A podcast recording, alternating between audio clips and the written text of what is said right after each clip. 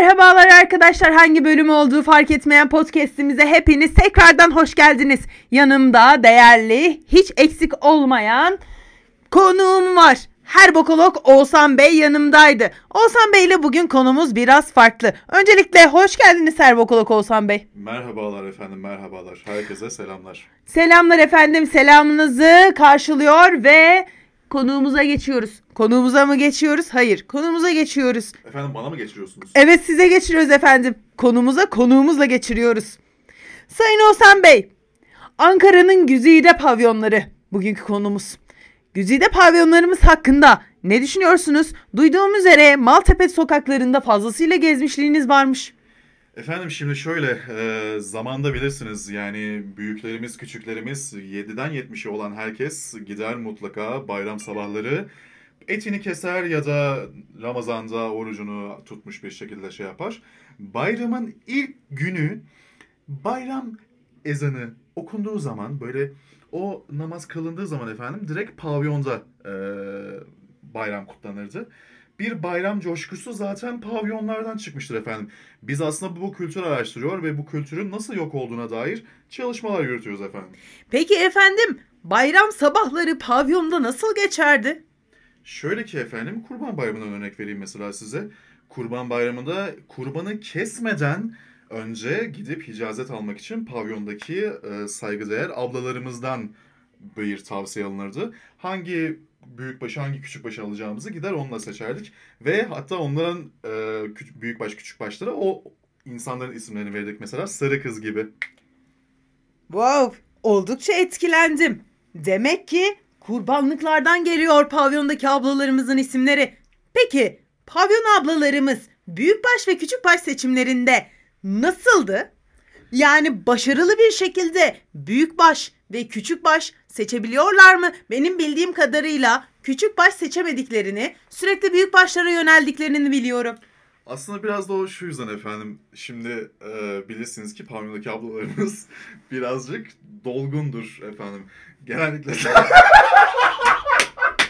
Arkadaşlar, maalesef yayınımızda bir sorun oluştu ve kesmek zorunda kaldık. Önemli değil. Konumuz büyükbaş hayvanlardı. Oğuzhan Bey, pavyondaki bayan ablalarımız büyükbaş hayvanlar hakkında nasıl düşünüyordu? Nasıl doğru büyükbaş hayvanı bulabiliyorlardı? aslında şöyle efendim. Bunun öncüsü sarı tutkudur bildiğiniz üzere. E, sarı tutku pavyon kültüründe gerçekten yerleşmiş bir duayendir kendisi. Büyükbaş seçimlerinde şöyle olur genellikle efendim. E, bilirsiniz ki pavyona giden mutlaka birisini gözüne kestirir, birisini seçer. Ve onunla ilgilenir efendim. Tabii ki masaya gelen avlalarımızın sayısı burada hiç önemli değil. Ama genellikle o insanın e, büyük, dolgun sevmesi mi yoksa küçük sevmesine göre mi büyükbaş küçükbaş aldığı bu aslında e, doğru orantılar efendim. Hatta bunu isterseniz araştırabilirsiniz. 1970'lerden 2002 yılına kadar büyükbaş küçükbaş satımlarında ne gibi bir oran var orantı var. Buna göre bir sonuç bulabilirsiniz efendim.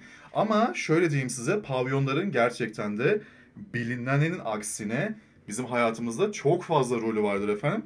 Bu kurban seçiminden e, kızlarına ne isim vereceklerine kadar efendim böyle bir hayatın içerisinde yer alan bir sektördür efendim. Peki Oğuzhan Bey, bu görüşleriniz bizi aydınlattı oldukça. Sizlere bu görüşleriniz için teşekkür ederiz. Ne kadar da aydınlık bir konuşma oldu. Ben size bir başka soru yöneltmek istiyorum. Biz coşkuyla kutladığımız bayram sabahlarını pavyonlarda kutladığınızı, dile getirdiğinizi duyduk. Peki bayramlarda sabahları pavyonda el öpen kişiler oluyor muydu? Onlara harçlıklar nasıl veriliyordu? Şimdi şöyle efendim aslında pavyonların e, kons ücretlerine göre tabii ki bu değişiyor. Şimdi bilirsiniz ki e, bayramlar resmi tatil olarak şey yapılır. Ve pavyonlarda tabii ki çalışma saatlerinin dışında e, çalışamazlar haliyle.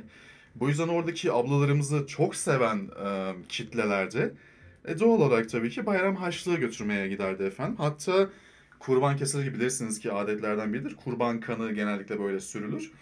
Bunu da o pavyondaki ablalarımızın alınlarına sürerlerdi efendim.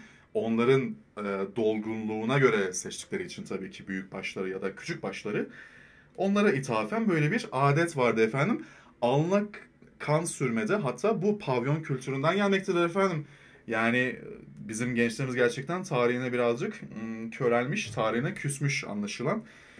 Peki efendim burada birazcık e, yeni nesilden, yeni gençlikten şikayet ettiğinizi duyuyorum. Z kuşağı bayram sabahını artık pavyonda geçirmiyor mu? Kan sürmüyor mu ablalarımızın başlarına? Efendim şimdi pavyonlara nedense bir küsülmüşlük var efendim. Çünkü sosyal medyanın da getirdiği o yapaylıktan dolayı efendim. Bu yapaylık aslında pavyonlara da işlemiş durumda. Ee, dedim ya eskiden küçük başlarda seçilirdi. Artık sürekli büyük baş seçiliyor efendim. Yani estetik doktorlarının verdiği o e, dolgunluk e, oranına göre kendileri genellikle büyük seçiyor. Ha tabii ki sayımız azaldı efendim. Gerçekten de böyle e, ne derler zanaatkarların böyle artık yok olmaya yüz tutmuş derler ya işte pavyonlarda tam olarak bu durumda efendim. Pavyonlarımıza gidelim, pavyondaki ablalarımızı sevelim. Onlara içki ısmarlayalım efendim. Bu bizim geleneklerimiz, göreneklerimiz. Eskimize dönelim artık. Pavyonlarda ortaya çıkıp dans etmeyeceksek TikTok'ta dans etmişiz ne fayda? Peki teşekkür ediyoruz. Gerçekten bilgilendirici oldu. Yeni nesil biraz bu konu hakkında bilgilenmeli anladığım kadarıyla. Peki şeker bayramları için de aynı görüşünüz var mı? Ablalarımız şeker topluyorlar mı? Efendim artık e, şuna evrildi. E, Kendileri şeker gibi insanlar olunca tabii ki buradaki pavyondaki çalışan ablalarımızı bir e, öncelikle saygıyla analım. Çünkü gerçekten çok zor e, emekleri. Şöyle ki efendim her bayramda dediğim gibi genellikle pavyonlara gidilirdi fakat bu son zamanlarda maalesef bu olmuyor. Şeker bayramlarında artık tabii ki Z kuşağının o vurdum duymazlığından dolayı oruç da tutulmuyor efendim. Şimdi şöyle ki şeker bayramlarında böyle em, lokmacılar olurdu. Pilav dağıtılırdı, lokma dağıtılırdı. Halka tatlıları dağıtılırdı e, genellikle. Halka dökülürdü. E, bu aslında pavyonların şöyle bir durum da var efendim. İstihdam da sağlıyor. Şimdi o pavyona giderken e, takım elbise giyilir değil mi? Yani böyle şık, daha zarif olması için. Yan tarafında hemen terzi olurdu efendim. Yani şimdi e, bir ablamızı bulduktan sonra üstü başı yırtıldığında onu dikmesi, tamiri için ya da kendisini daha şık göstermek için bir faşo ağa geldiği zaman e, ne olacak? Tabii ki doğudan gelmiş, e, terzi bulamamış. Hemen pavyonun yanındaki terziye gidiyordu efendim. Bu bir istihdam sağlıyordu. Şeker bayramlarında da genellikle halka tatlısı dökülürdü, lokma dökülürdü. Oradaki insanların da iş sahibi olmasını, para kazanmasını sağlardı efendim. Pavyonlara küsmeyelim. Peki efendim, özlü bir sözle bitirmek istiyorum Oğuzhan Bey'e çok teşekkür ediyorum. Oğuzhan Bey biliyorsunuz ki her bokolog ünvanına sahip önemli bilgilerle bizi bilgilendiren bir beyefendidir. Diğer bölümlerimizle de Oğuzhan Bey'i konuk alarak devam etmeyi düşünüyoruz. Evet, ünlü bir söz, ünlü bir şairimiz söylemiştir. Ali dayı, Ali dayı, bir gecede yedin, parayı dayı, tarlaları yedin dayı, neler yaptın dayı. Ali dayı, Ali dayı.